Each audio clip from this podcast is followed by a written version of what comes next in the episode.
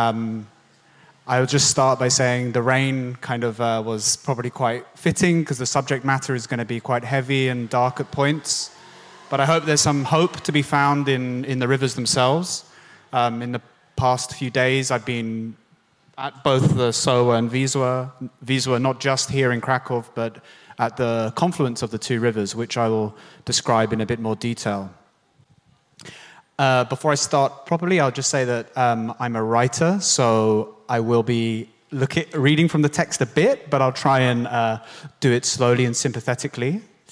Um, but yeah, let's get started. So, this is a riverine tale of fragments material, literary, religious, and mythological.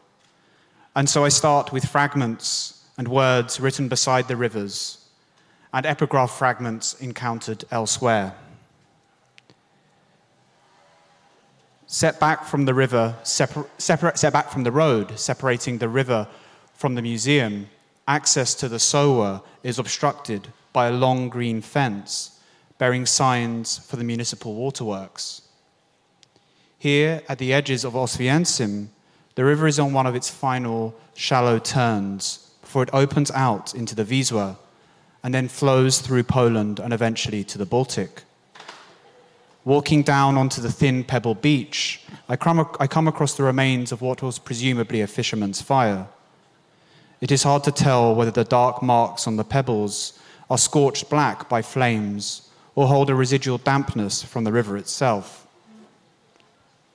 Remaining at the water's edge, I contemplate the wind carrying these ashes away or into the Soła's gentle flows.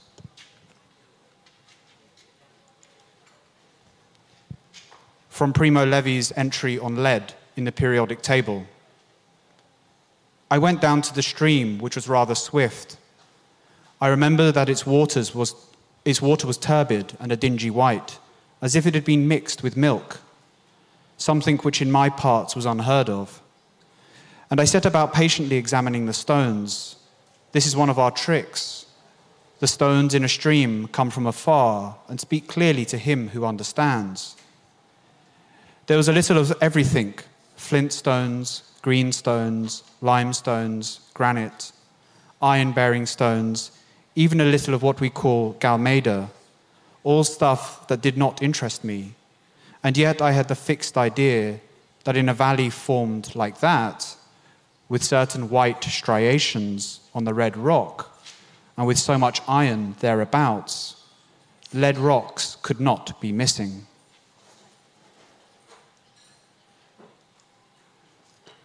And then from Rachel Carson's book, The Sea Around Us. From a moment the rains began to fall, the lands began to be worn away and carried to the sea. It is an endless, inexorable process that has never stopped the dissolving of the rocks, the leaching of their contained minerals, the carrying of the rock fragments and dissolved minerals to the ocean.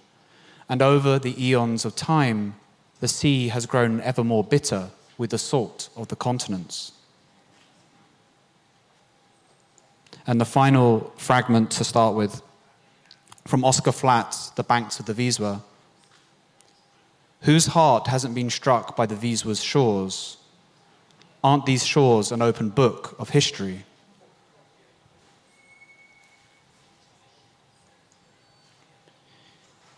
In August 2015, drought caused the Wisła, Poland's longest river, to fall to its lowest levels since modern records began in 1789.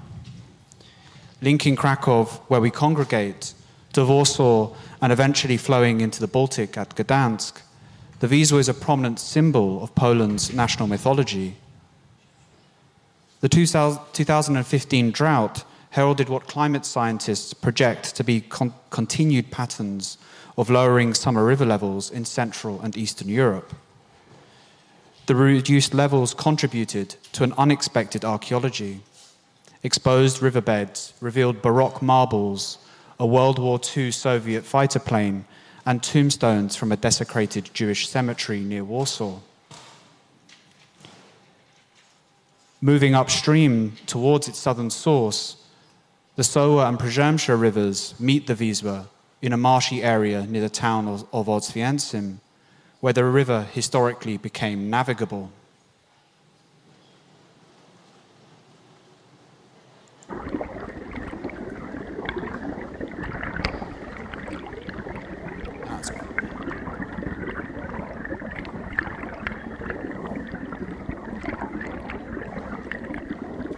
15,000 cubic meters of water an hour.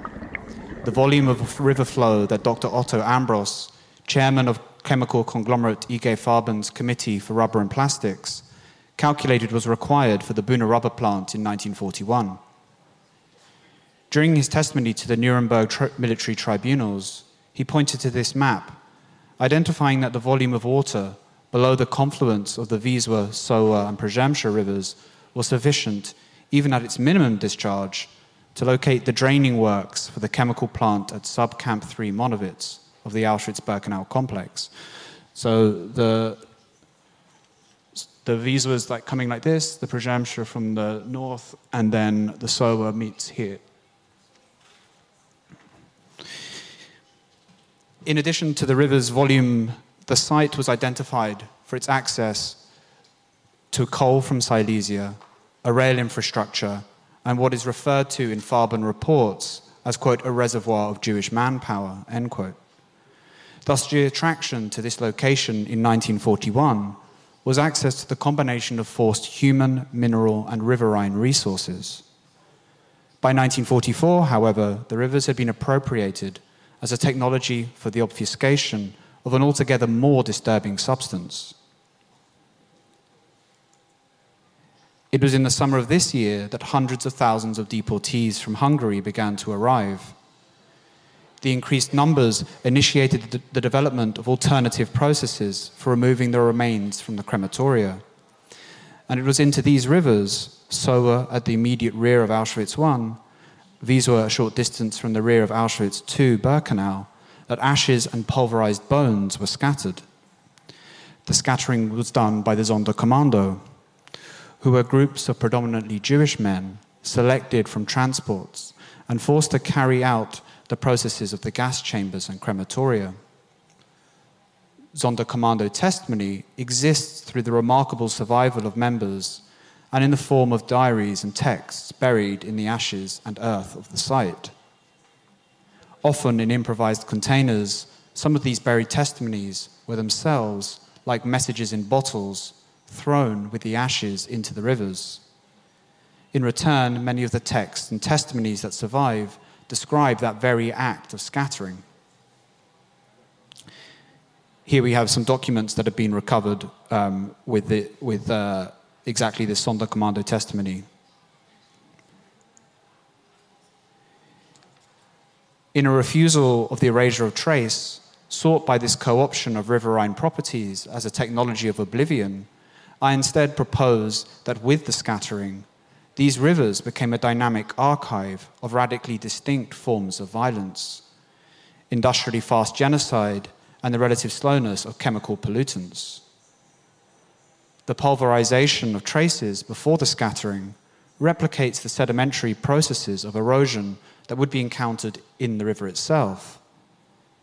What I have learned in relation to this case is that the river does not merely erase nor archive, as in the relative stability of the earth of the former camps, now museums, but mediates these traces in space and time and can be read through a perception of the river as a complex sedimentary agent. Indeed, approached in the way I do here, these rivers are both devices for telling a more expanded ecological story of Auschwitz Birkenau and the history of genocide, where the rivers can be understood as part of the memorial politics of the site.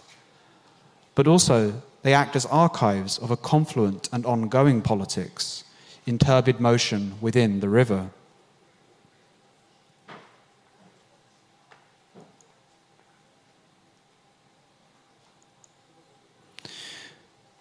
A specific group called the Aschenkommando were charged with pulverizing the bones found amongst the ashes. Shaul Chazan stated that they had to smash the bone until it was no larger than pieces of gravel, and then using wooden poles, they pulverized it until it was dust. the actions of the SS certainly suggest an awareness of the potential for ash to bear trace.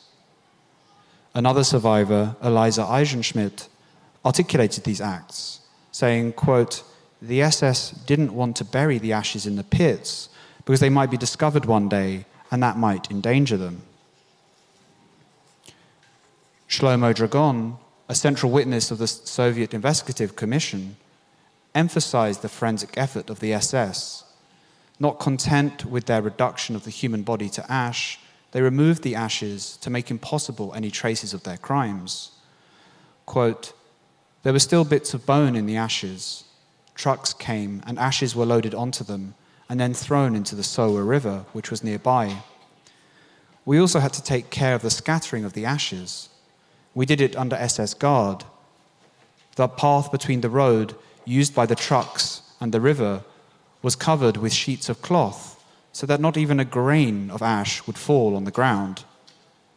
To keep the ashes from sinking into the ground, the SS men wanted to throw it into the river and let the current carry them away far away. We shook the sheets of cloth over the water and swept the place thoroughly. Other testimony describes this meticulous approach to the removal of the remains and what appears to be an awareness of its possible local sedimentation. One describes the cleaning of the banks of the river to prevent it sinking into the earth. All of this in the belief that the earth and not the river would bear trace.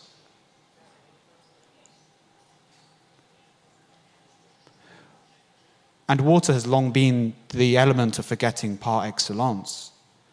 The pool of Mnemosyne in Greek mythology was where the memories washed from the feet of those crossing the river Lethe collect. The pool performs a strange act of recovery, where from the initial material dispersal of entering the riverine space, the lost memories collect as fragments in the archival pool at the end of the river. And perhaps this mythology has material truths where river flows are not only modes of obfuscation, but, by contrast, act as unexpected and dynamic archives. Hydrofeminist theorist Astrida Neimanis contends that water has the capacity to be a memory keeper or archive, storing flotsam, chemicals, detritus, sunken treasure, culture, stories, histories. Elsewhere, in Matthew Edgeworth's book, Archaeology of Flow, rivers are not ephemeral or abstract, but are, but are in their own unique ways artifacts. He comes to see, quote, cultural affordances just like solid artifacts.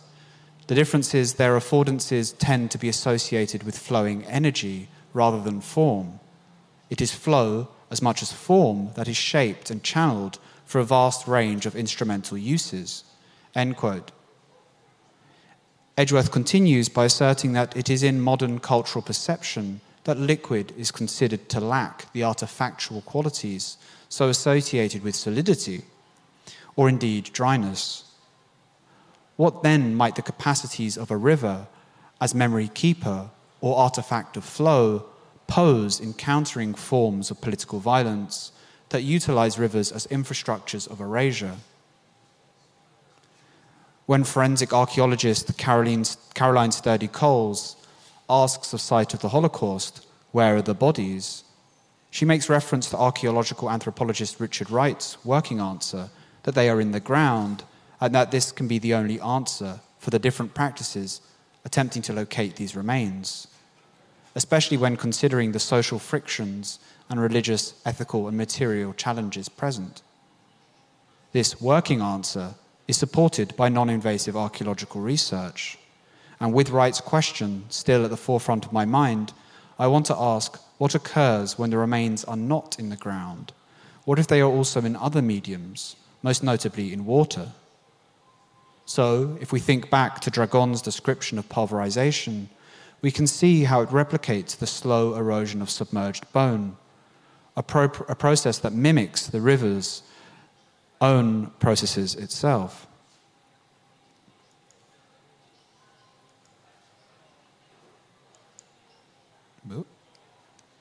Ah. I think maybe we could move on from these.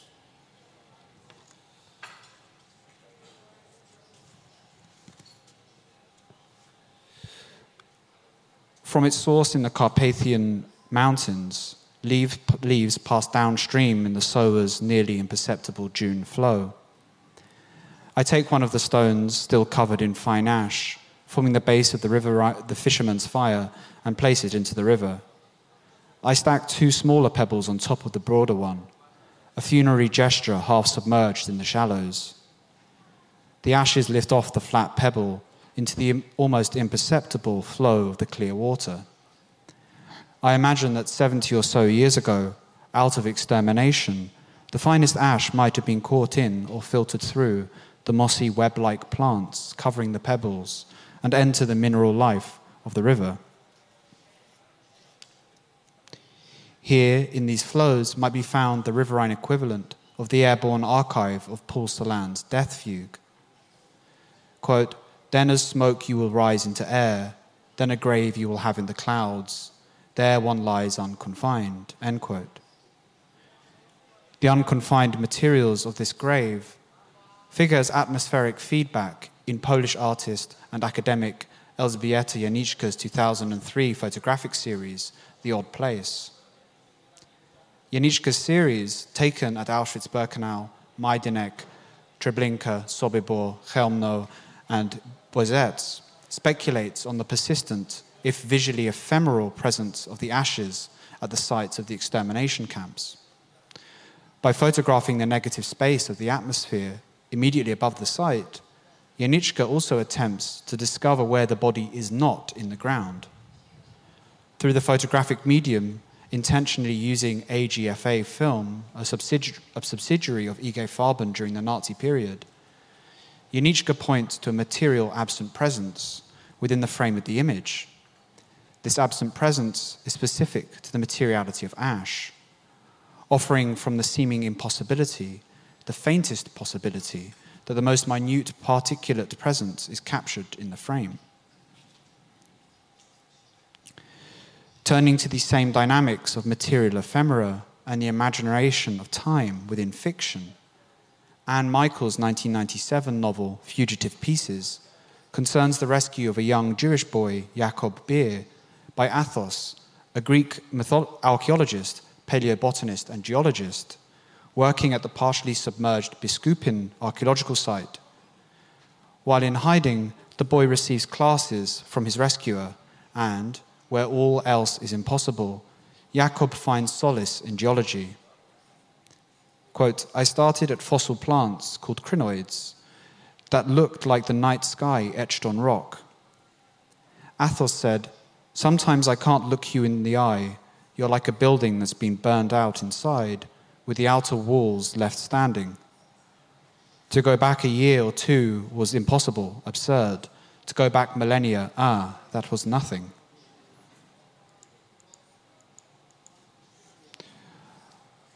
Michaels' novel meditates on the encoding of memory in air currents and river sediments.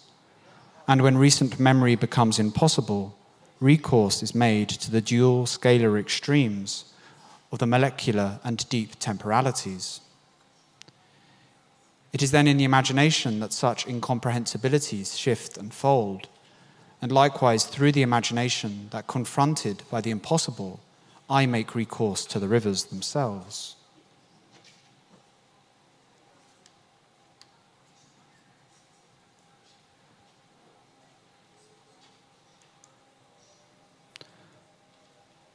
Walking along a fisherman's path, I first approached the Wisła. As the sun reaches the fullness of its June height, the path narrows amongst dense grasses and nettles, from which rise a flight of almost black damselflies. Where the path ends at what I assume is the river, I step into the remnants of another small fisherman's fire, this time scorched into the grass. On each occasion that I meet with the rivers, I come across ashes on scorched pebbles and scorched earth. Are they actually fishermen's fires or strange votive offerings? I can only project onto the site the unsettling coincidence of these other ashes and the histories of these waters.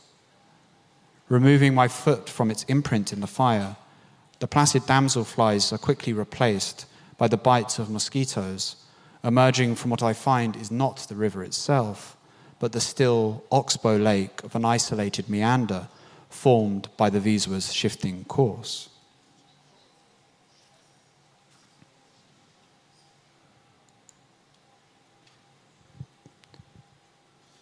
At the fringes of the 2018 COP24 climate summit in Katowice, capital of Silesia, Poland's major coal mining region, the trade union Solidarity and US climate denial group Heartland released a statement rejecting IPCC warnings of imminent climate catastrophe. The sparsely attended event in the center of Katowice, just an hour drive north of Oswiecim, was an unambiguous attempt to reject threats to the region's mining future and associated employment prospects. In recent years, however, evidence has emerged of the local impacts of anthropogenic climate change, in particular, the unprecedentedly low summer river levels of the region's often polluted waters. These droughts represent the return of the impacts of changing planetary systems to the localities where carbon emitting resources are mined. Here, I adapt the term heavy rivers from post colonial literary scholar Elizabeth de concept, heavy waters. She employs it as an analytical tool to explore the overlaps of the cultural and material contents of the Atlantic. These heavy waters precipitate from modernity's multiple violent practices against human bodies and towards environments. DeLoughrey states that the Latin vastus signifies the ocean as well as waste. It is imagined to be such, so the ocean is imagined to be of such unimaginable spatial and temporal scale and solubility that it has been wrongly deemed to be able to safely consume near infinite polluting materials.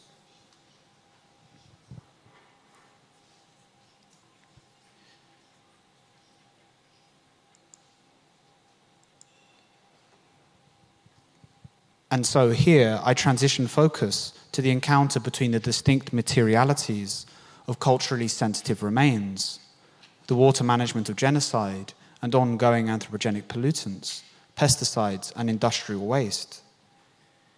Investigating the confluent histories of ecological degradation and human violence in the Wisła, Soła, and Przemysł similarly reveals the heavy histories and futurities of these riverine sites including the history of industry alongside the river and the increasing frequency and severity of droughts. Likewise, navigating the changes occurring in pollution levels reveals the sediment record of Poland's own heavy rivers. As with, it, as with many major waterways, the Wisła is of commercial importance. Heavy industry, especially the coal mines of Silesia, introduced 9,000 tons of sulfites and chlorides per day. Each of the major metal pollutants entering Poland's rivers are found in the relatively small but heavily industrialized distance between the Wisła's source and Krakow, and indeed segments of the river near the Auschwitz Birkenau complex. The history of pollution also includes the former IG Farben chemical and Buna rubber works, now operating under the company Chemo Service Dwory SA. It remains a large scale factory concerned with the repair and maintenance of machinery used in the chemical industry, using the same infrastructure of flow rate calculated by Ambros in 1941. As recently as 2005, it was the 164th largest company in Poland and has long been a major employer in the town. So it's a, a dense history of, of history and presence of pollution and um, and as I read it and approach it, um, the kind of the scattering of traces. However, this is not the only story of these rivers. And in response to the dangerous levels of pollution and threat to river health, groups such as Siostry Rzeki, Sisters of the River, have emerged as river defenders to raise awareness and protect the rivers of Poland. To achieve a critical proximity with the water, they employ methods of submergence, swimming in rivers and protesting submerged in water to draw attention to draw attention to the threats posed by high levels of pollution and major infrastructure projects such as dams and the E40 waterway project proposed to link the Baltic and Black Sea through many of the region's major rivers. Bringing attention to all of Poland's rivers, the River Sisters practice river defense in a way that understands the confluence of waters feeding into one another, and with that, the histories of different materialities and politics. In doing so, they foreground the river as crucial cultural rivers as crucial cultural elements in the nation's past, present, and future, elements devastated by extractive and exploitative environmental practices. They teach that the story of a river is always multiple, always more than the story I am telling here. And their practice is echoed in hydrofeminist theory. One key proponent of this school is Astrida Neimanis, who considers water to be a complex archive. In the context of thinking issues of planetary climate change and modes of becoming aware of human relationality with the environment and through water, she writes that even while in constant motion, water is also a planetary archive of meaning and matter. To drink a glass of water is to ingest the ghosts of bodies that haunt that water. When nature calls sometime later, we return to the cistern and the sea, not only our antidepressants, our chemical estrogens, or our more commonplace excretions, but also the meanings that permeate these materialities disposable culture, medicalized problem solving, ecological disconnect. Just as the deep oceans harbor particulate records of former geological eras, water retains our more anthropomorphic secrets even, when we, even those we would rather forget.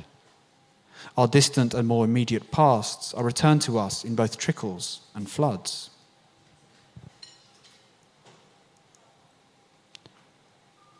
Dr. Otto Ambros also stated that because the site of the rubber plant was between 14 and 23 meters above the river's level, it was safe from flooding.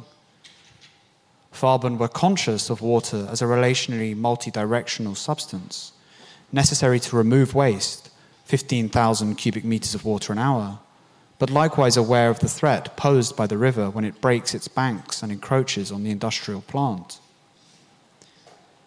Indeed, the SS were also concerned with the extermination machine's own relational impact on groundwater. They feared that the number of bodies buried in the site might pollute the local water table and contribute to risks of disease for both the local Polish and German population. In response to these concerns, the regional infrastructure was mobilized to identify where best to place a wastewater plant. This fear contributed to the decision to move from the practice of mass burial to SS Commander Paul Blobel's model of cremation developed at Chełmno during Sonderaktion 1005. Blobel developed a process whereby the dead were also reduced to ash and scattered into the local river. Echoing the industrial use of the river, the extermination machine adopted its own water management of genocide. Historians Deborah Dwork and Robert Jan van Pelt identify the site as surrounded by large lakes and reservoirs and an industrial canal running immediately north of the site, which was subsequently dug to straighten the flow of the Wisła adding to the mythology of the site and perhaps inaccurate, inaccurate reality. Historian of the Zonda Sonderkommando, Burmark, has speculated that it was chosen because it was, quote, a damp and pernicious area between the Wisła and the Soła rivers, whose water is so unsafe that it must be boiled before drinking. In other words, any extended sojourn in that region is hazardous to human health, end quote. Indeed, the architect of genocide, Rudolf Höss, described that not wanting the water from the area to touch his mouth. Again, this is them projecting their own image of the water onto the site.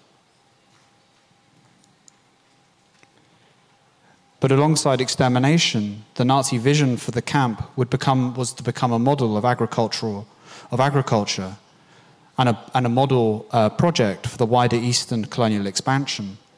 Thus, water resources were a cultural component within almost all aspects of the complex.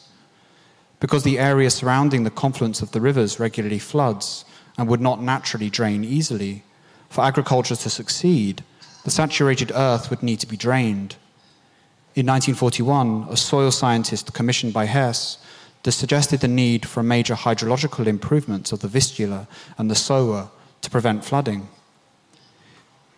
Cleaning up existing drainage channels and digging new ones, and laying a massive network of 3.6 million drainage pipes in 3,000 acres of future farmland. By 1942, work had begun with tens of thousands of, labor, tens of, thousands of laborers, predominantly women, forced to dig the drainage ditch, ditch ditches, or working as survivor Hannah Kent Starkman described, standing in the icy water maintaining the banks of the Wisła. Through this forced labor, maintaining the shape of the rivers to prevent flooding, the courses themselves became embanked by a history of submerged and embodied labor. Thus, the rivers themselves are shaped by labor from the camps, while simultaneously being used to discard the remains of genocide.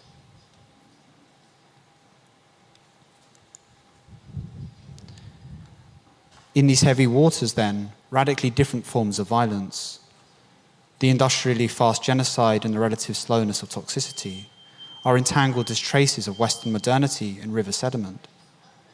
The elements that give chemical and cultural weight to these waters may no longer be discernible, but have become, over time, confluent, dispersed, diluted, and deposited in the river's currents and sediments. Here, the confluence of these materials in flows is itself a cultural artifact. And so, to conclude, after all these fragments, I return to that first calculation of 15,000 cubic meters of water an hour and add to it the 9,000 tons of sulfates. But these are not just simply numbers. These numbers hide an altogether more weighty meaning when read against the scattering of hundreds of thousands of lives reduced to ash and bone. And so I've shown how the measurement of water is a political process, a technology within different and imbricating contexts, from pollution to genocide. What I propose is to adopt a, perspe- a, per- a perspective that can imagine the existence of the ashes in the processes of the water, its flows, transportation, and sedimentation. To put it simply, when something dissolves in water, even in a very minute way, it becomes that thing. I'm thus att- attempting to produce tools for contemporary, with contemporary relevance, to counteract the assumed abyssal qualities of subaqueous space, or even that rivers are ambiguous features where political violence continues to take place with impunity. Indeed, perhaps this perspective can contribute to understanding how resisting the full extent to which the confluent politics of, Poland's rivers continue to be added to today. For example, in the recent weaponization of the rivers against migrants at the borders of Poland and Belarus, as explored so sensitively by the group Border Emergency Collective, whose investigative film Zone of Hidden Violence is currently on display at Warsaw Biennale, and I recommend you all visit if, you, if possible. With these flow rates and sediments, the river is then a dynamic archive, a memory device that mediates fragments in relation to present river conditions, and a process by which events and their multiple material and political implications, their confluent politics, can be narrated. In this way, the mimetic operation of pulverizing remains did not result in the desired erasure. Instead, the adoption of the river as technology enabled the possibility of reading the traces through river, fluvial processes to understand the river itself as an archive. This riverine infrastructure has then produced a young riverine geology of genocide, a process slowly revealed by lowering river levels as the cubic meters of water per hour slowly reduce season by season and year on year. Thus, I continue to ask whether the knowledge of, the, of riverine processes can be a stand in for the absent presence of materials. Can hydrology contribute to an archaeology of eroding traces? By asking these questions, I refuse the subaqueous as a space of oblivion, but instead read the memory of dispersed remains back through the water's own processes to ask whether the memory of life and death can remain confluent in the flows of a river. Thank you.